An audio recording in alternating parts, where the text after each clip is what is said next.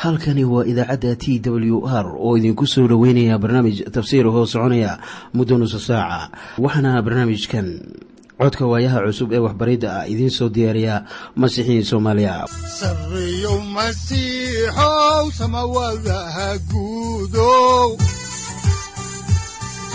siraadkii adduunkow subanaha eebow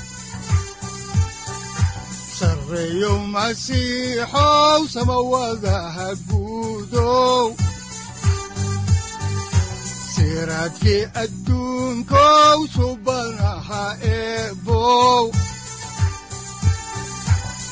adigoo samaada jiro ifkan soo saldhiganba adigoo samaada jiro ifkan soo saldhiganba kutubtiisanaye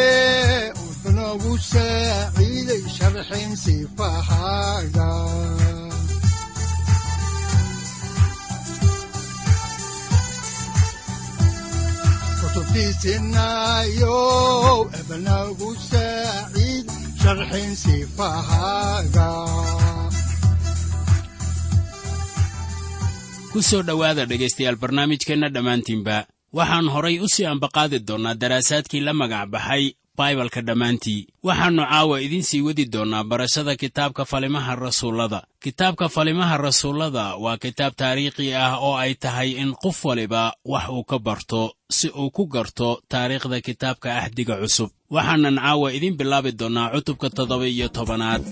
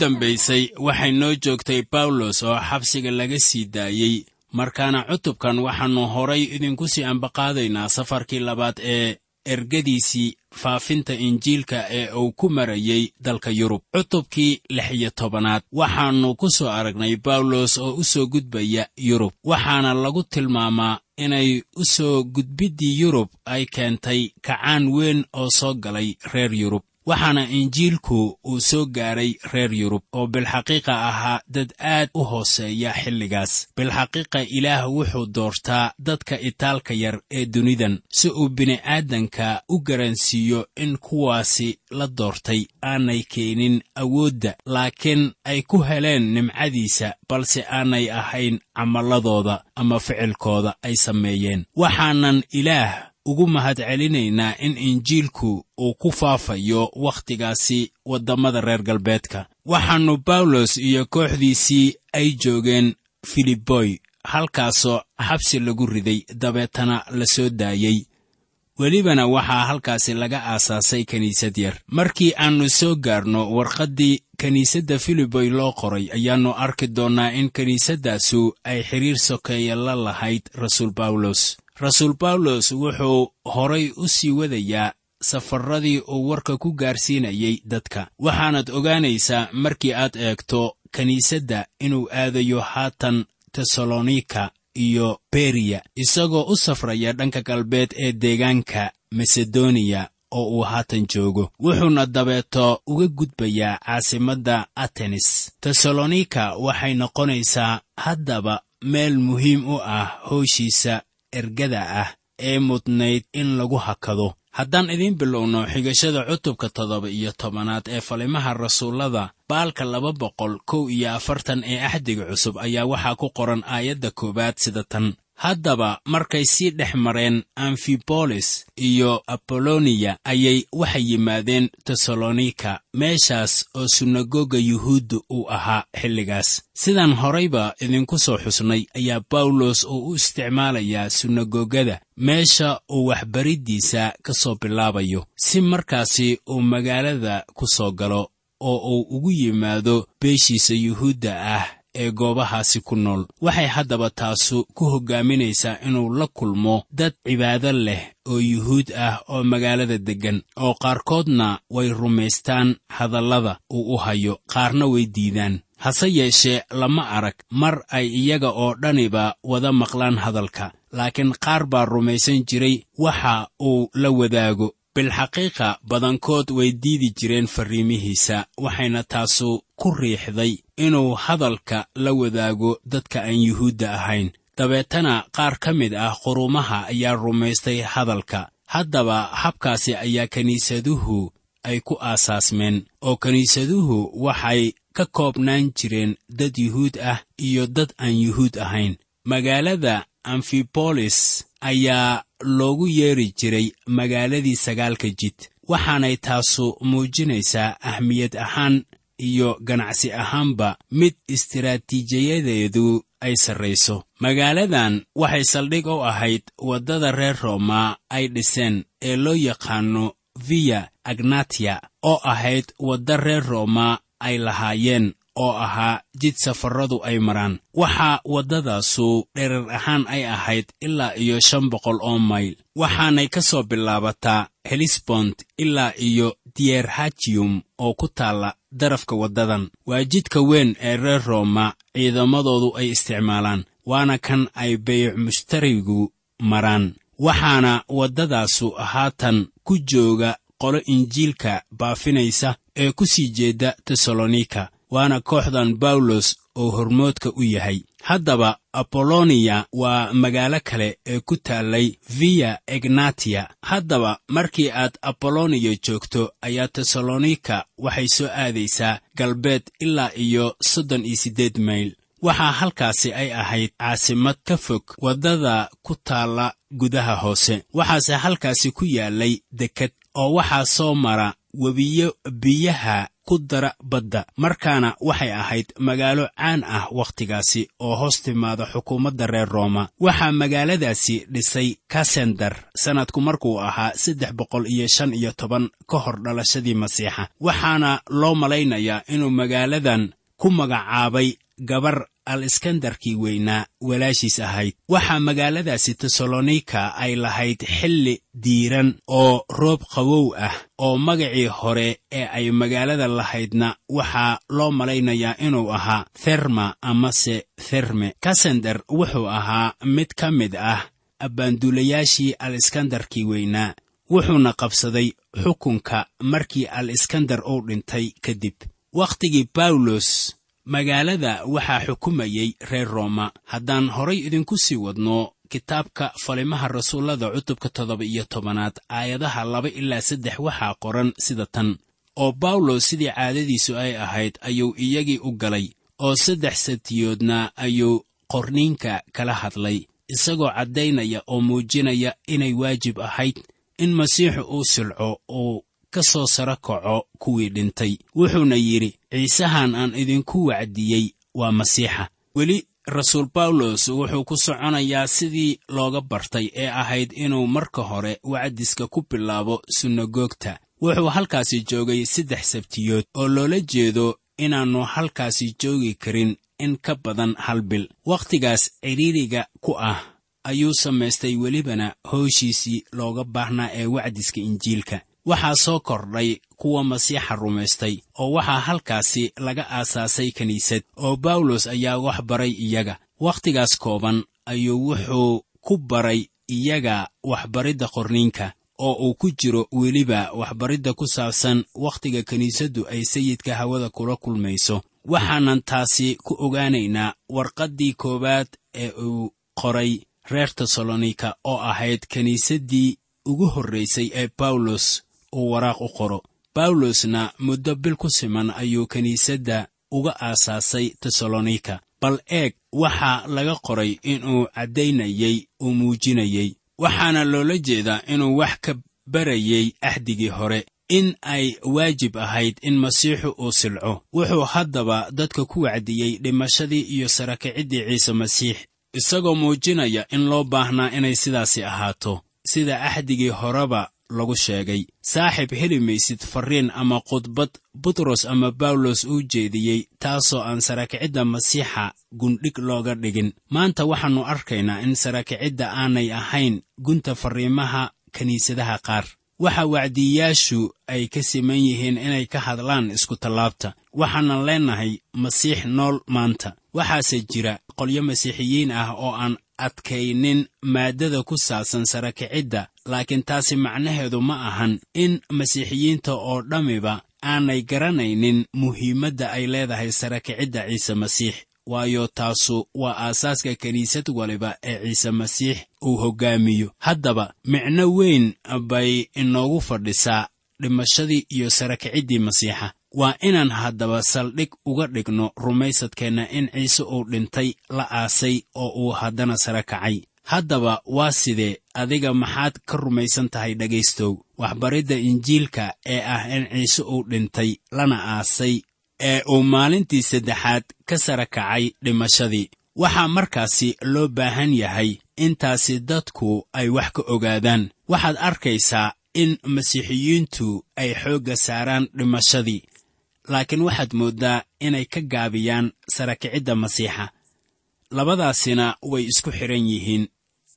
Oo meeshii dhimashada masiixa lagu sheego waa in sarakiciddiisana lagu sheegaa.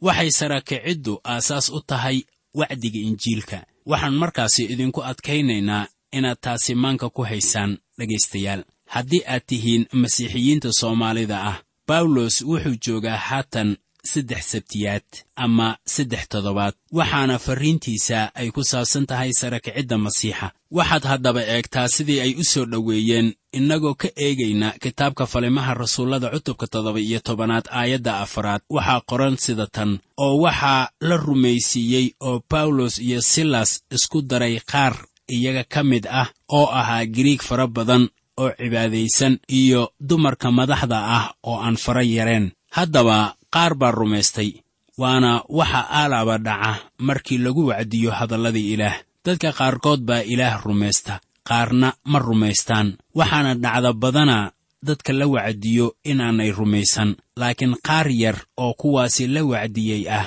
ayaa marka hore rumaysta. Ditor lukos marka uu leeyahay iyo dumarka madaxda ah oo aan fara yareen ayuu ula jeedaa in dumarkii rumaystay ay aad u badnaayeen war maxay wanaagsan tahay in dadka sayidka lagu wacdiyo? Haddaan horay idinku sii ambaqaadno kitaabka falimaha rasuullada cutubka toddoba iyo tobanaad aayadda shanaad waxaa qoran sida tan laakiin yuhuuddii oo ka masayrsan ayaa nimanka suuqa ka soo kaxaystay kuwa shar leh. Urur bayna isku keeneen oo magaaladii ay buuq ka dhigeen oo markay gurigii yasoon weerareen ayay waxay dooneen inay iyagii dadka u soo saaraan. Nasiib darrase waxaa mar waliba jooga sharfalayaal damiir xumo u go'ay meel waliba. Haddaan horay idinku sii wadno ayaa aayadda lixaadi ay leedahay oo markay waayeen ayay yasoon iyo kuwo walaalo ah ku hor jiideen taliyayaashii magaalada iyagoo ku qaylinaya oo leh kuwii dunida rogay ayaa halkan yimid. Haddaba yaanay kula noqon inay nimankanu ka gaareen aftahannimo waayo markii ay masiixinimadu soo gashay qaaradda yurub waxay ahayd sida kacaan oo kale oo meel waliba ee ay gaartayba waxaa ka dhacay kacdoon lahaa saamayn weyn. Haddaba waxaa maanta lagu arkayaa dadkeenna kuwo badan oo gadaalgadaal u socda waxaana soomaaliya ku badan labawijiilayaal loo kiraystay calooshooda waxay iska dhigayaan kuwa ilaah aaminsan laakiin marka runtu ay timaado kugu deen maayaan xitaa haddii aad isku diin tihiin. Bal maxaa ka dhacay soomaaliya markii dagaalka uu bilowday? Waxaa dhacday in qofka loo dilayey qabiilkiisa oo keliya oo welibana laguma ammaangelinaynin wixii uu aaminsanaa miyaanay taasu labawajiilannimo ahayn dhegaystow. Inaad bannaanka meele ilaah lagu caabudo aad ka samayso waddanka gudihiisana aadan ku badbaadinaynin kuwii aad isku diinta ahaydeen. Saaxiibayaal waxaannu nahay juhalo aan dunida lagu arag abid oo diintana waxaannu u qaadannaa istustus. Waxaase loo baahan yahay in rumaysadkeennu iyo ficilkeennu uu islahaado si kale oo uu isku lahaanayo ma lahan. Haddaan la rumaysan amiirka nabadda waa ciise masiixe haddaan horay idinku sii wadno xigashada kitaabka oo aan eegno aayadaha toddoba ilaa sagaal waxaa qoran sida tan. Iyagoo uu yaasoon martigeliyey kuwaas oo dhanna waxay falaan wax ka gees ah amarada kaysar. Iyagoo leh waxaa jira boqor kale oo ciise ah. Markaasay dhibgeliyeen dadkii badnaa iyo taliyayaashii magaalada oo waxyaalahaas maqlay oo kolkay yasoon iyo kuwii kale damiin ka qaadeen ayay sii daayeen. Waxaad haddaba xusuusataa in magaaladu ay ku hoos jirtay xukuumadda reer rooma oo ku jirtay gacanta kaysarkii kelitaliyaha ahaa. Haddaba waxay damiin ka qaadeen yaasoon oo walaalaha ka mid ahaa. Si loo sii daayo ama uu xariggiisii u iibsado. Haddaan horay idinku sii wadno xigashada kitaabka oo aan eegno kitaabka falimaha rasuullada cutubka toddoba iyo tobanaad aayadda tobanaad ayaa waxaa qoran sida tan oo markiiba walaalihii waxay habeennimo bawlos iyo silas u direen biroya kuwaas oo kolkay meeshaas yimaadeen galay sunagoogta yuhuudda. Waxay kula noqonaysaa in waxyaabahan oo dhan ay xumaynaysay farxaddii bawlos uu u qabay inuu warka la wadaago aadmiga oo ay niyaddiisii hoos u dhigayso. Waxaanse idinku leeyahay dhegaystayaal innaba niyaddiisii hoos uma dhicin oo horu u socdaa wuxuu aaday biroya taasoo ahayd magaalo ku dhowayd xeebta haddaan horay idinku sii wadno kitaabka falimaha rasuullada cutubka toddoba iyo tobanaad aayadda kow iyo tobanaad waxaa qoran sida tan. Haddaba kuwaasu waa ka sharaf badnaayeen kuwii tesalonika joogay maxaa yeelay hadalkay aqbaleen iyagoo xiise weyn u qaba oo maalin kasta baaraya qorniinka inay hubsadaan waxyaalahaasi inay sidaas yihiin iyo in kale. Haddaba dadkaas waxay ahaayeen kuwo sharaf leh waxay baranayeen qorniinka waxaanay markii ay hubsadeen ka aasaaseen beroya kiniisad haddaba wax badan oo aynu ka maqlaynaa beroya oo ku saabsan kiniisaddaasi ayaan halkan ku qornayn. Waxaase xiisaha leh beryahaasi waxay ahayd meel kasta oo kiniisadda lagu silcinayo inay u horrayn jirtay korsiimada kiniisadda haddaan horay idinku sii wadno xigashada kitaabka oo aan eegno aayadda laba iyo tobanaad ee falimaha rasuullada cutubka toddoba iyo tobanaad waxaa qoran sida tan. Sidaas darteed kuwo badan oo iyaga ka mid ah baa rumaystay iyo dumar giriig ah oo sharaf leh iyo niman aan fara yareen. Waxaa haddaba halkan ditor lukos mar kale uu leeyahay niman aan fara yareen oo uu ula jeedo inay dad badan ahaayeen kuwii hadalka maqlay haddaan horay idinku sii wadno aayadaha saddex iyo toban ilaa afar iyo toban ayaa waxaa qoran sida tan.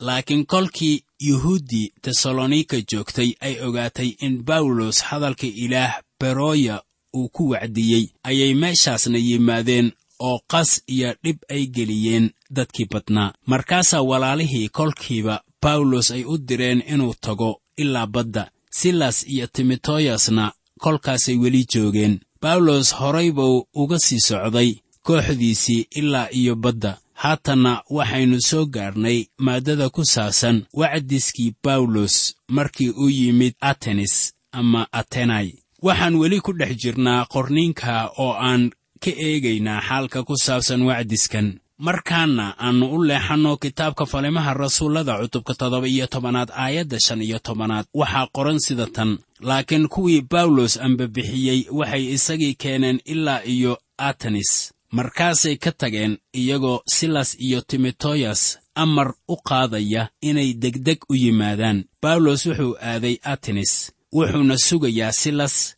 iyo timoteos oo waxay u muuqataa inuu horay ula dardaarmay oo uu ku yidhi waxaad labadiinnu ku noqotaan walaalihii hadalka rumaystay ee reer tesalonika oo bal waxaad eegtaan sida kiniisaddu ay u tarmayso. Waxaad kaloo eegtaan walaalaha reer beroya dabeetana waxaan isku arki doonnaa atenis haddaan horay idinku sii wadno xigashada kitaabka falimaha rasuullada cutubka toddoba-iyo tobanaad aayadda lix iyo tobanaad waxaa qoran sida tan. Haddaba bawlos intuu atenis ku sugayey iyagii ruuxiisu waa kacay. Markuu arkay magaalada oo sanamyo ay ka buuxaan. Haddaba atenis ama atenai waxay ahayd xarunta dhaqamada dunida. Bilxaqiiqa markii qof uu ka fakaro wax ku saabsan atenis wuxuu ka fakarayaa qofkaasu dhaqan iyo hiddo jiri jiray waa hore. Hase yeeshee magaaladaasi waxay ahayd mid oo ku baahsanaa dhaqanka caabudista asnaamta. Haddaan horay idinku sii ambaqaadno xigashada oo aan eegno aayadda toddoba iyo tobanaad waxaa qoran sida tan sidaas daraaddeed ayuu yuhuuddi iyo nimankii cibaadaysnaa kula xaajooday sunagoga suuqa dhexdiisana ayuu maalin walba kula xaajooday kuwii kula kulmayba. Waxaan haddaba qiyaasi karaa bawlos oo hore iyo gadaal ugu socda suuqaas. Waayo isagu wuxuu ahaa mid teendhooyinka sameeya oo waxaan u malaynayaa inuu iibiyey xoogaa teendhooyin ah markii uu halkaasi joogay. Marka uu iibinayey teendhooyinka ayuu welibana injiilka ciise masiix la qaybsanayay dadka. Dadkiina aad bay hadalladiisa ula dhaceen. Haddaan horay idinku sii wadno kitaabka ayaa waxaa ku qoran aayadda siddeed iyo tobanaad sida tan. Waxaana la kulmay isagii kuwo ka mid ah filosofiyiinta abikuriyiin iyo isto'ikiin ah. Qaar baa waxay yidhaahdeen ninkan dowdarka ahi muxuu odhan doonaa. Qaar kalena waxay yidhaahdeen wuxuu u eg yahay nin ilaahyo qallaad wax ka sheega. Maxaa yeelay wuxuu dadkii ku wacdiyey ciise iyo sarakicidda haddaba labadan dariiqo ee filosofiyiinta ah waxay kala aaminsanaayeen waxyaabo iska soo hor jeeda ibikuriyiinta waxay aaminsanaayeen in jidhka loo siiyo si xaddhaaf ah wax waliba ee uu doonayo oo sidaasaa jidhka looga adkaan karaa ama looga eedbeeli karaa isto'ikiintuna waxay rumaysanaayeen in jidhka la xakameeyo oo wax kasta ee uu doonayana aan la siinin sida kamriga iyo waxyaabaha faakihaysiga ah iyo macaasida. Haddaba kuwaas oo dhan waxay soo hor fadhiisteen bawlos waxayna wacdigiisii ugu yeedheen nin ilaahyo qallaad wax ka sheega ama naadiya. Haddaba kuwo badan ayaa waxay ka doodaan in bawlos uu rumaysnaa sarakicidda nafta laakiinse uusan rumaysnayn sarakicidda jidhka haddaba waxaa hadalladaasi ay ku dhex baahsan yihiin dadka oo dhan waxayna u yaqaanaan nolosha ka dambaysa dhimashada. Waxaana aaminsan qolyaha furfuran laakiin ma ahan wax dunida yaalla. Waxaase ay ku jiraan un filosofiyadda giriigta markaana nimankan giriigta ah ma ayaan fahmin wixii bawlos uu kala hadlayey oo hadalladiisa aad bay uga gaabiyeen inay gaaraan dhegaha giriigta waxaase ay doonayeen inay maqlaan waxa uu ka hadlayey sida ku qoran aayadda sagaal iyo tobanaad ee cutubka toddoba iyo tobanaad. Markaasay isagii qabteen oo waxay u kaxeeyeen areobagos iyagoo ku leh ma ogaan karnaa waxay tahay waxbariddan cusub oo aad ku hadlaysid. Areobagos waxay ku taallay meel taag ah oo dhagax ah oo qaabkeeduna u yahay sida in dhagax weyn laga duldhisay dhismaha lagu xidhiirinayo areobagos sida daacadda ah waa meel qurux badan waxaana ka dhisan asnaam waana magaalo loo hibeeyey asnaamta. Waxay ahayd meel ka horraysa suuqa dadku ay wax ku kala iibsadaan waxaana halkan loo keenay bawlos si uu aaraahdiisa u dhiibto. Waxaanay nimankaasi giriigta ah ku leeyihiin bawlos ma ogaan karnaa waxay tahay waxbariddan cusub ee aad ku hadlaysid. Waxay doonayeen inay wax badan ka ogaadaan waxa uu kala hadlayo waayo gudcur bay ku jiraan. Nimankanu waxay ahaayeen kuwo wax badan ka hooseeya reer galatiya iyo reer tesalonika iyo reer filiboy waayo waxay la ahayd inay wax waliba garanayaan. Haddaan horay idinku sii ambaqaadno xigashada kitaabka oo aannu eegno aayadaha labaatan ilaa kow iyo labaatan ee cutubka toddoba iyo tobanaad ee kitaabka falimaha rasuullada ayaa waxaa noo qoran sida tan. Waayo waxaad dhagahayaga maqashiisaa waxyaalo qallaad. Sidaa darteed waxaannu doonaynaa inaannu ogaanno waxyaalahaannu waxay yihiin. Haddaba reer atenes oo dhammi iyo dadkii qallaad oo halkaasi degganaa wakhtigooda wax kale kuma ay dhaafin.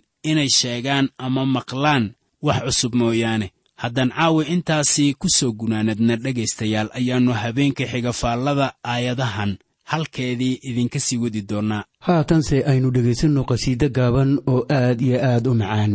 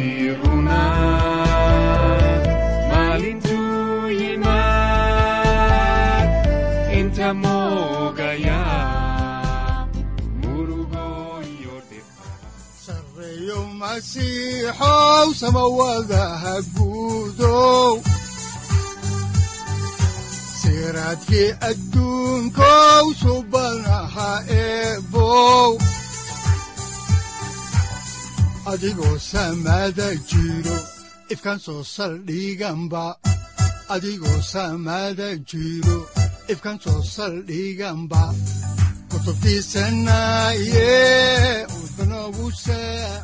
halkani waa t w r idaacadda t w r oo idinku leh ilaa ha idin barakeeyo oo ha idinku anfaco wixii aad caawi ka maqasheen barnaamijka. Waxaa barnaamijkan oo kalaa aad ka maqli doontaan habeen dambe. Hadahan oo kale haddiise aad doonaysaan in aad fikirkiina ka dhiibataan wixii aad caawi maqasheen ayaad nagala soo xiriiri kartaan som t w r at t w r c o k e haddii aad doonaysaan in aad dejiisataan oo kaydsataan barnaamijka ama aad mar kale dhegaysataan fadlan mar kale booqo www t w r o r g. Amase www t t b t w r o r g. Amase waxaad teleefoonkaaga ku kaydsataa ama ku download garaysataa agabyada ku sahli karaa dhegeysiga t w r haddii aad doonayso in laga kaalmeeyo dhinacyada fahamka kitaabka amase aad u baahan tahay duco fadlan fariimahaaga soo mari bogga aaraahda ama kommentska inana jawaab degdeg ah ayaanu ku soo diri doonaa amase ku siin doonaaye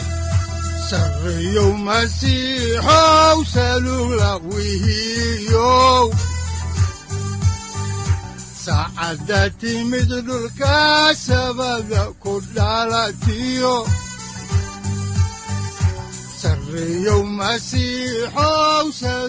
halkani waa t w r oo idiin rajaynaya habeen baraare iyo barwaaqaba leh. Inta aynu ka gaari doono wakhti aynu ku kulanno barnaamij la mida kan caawayay aad maqasheen. Waxa aan idinku leeyahay nabadda ciise masiix ha idinku badato xagga jidhka iyo ruuxaba. Aamiin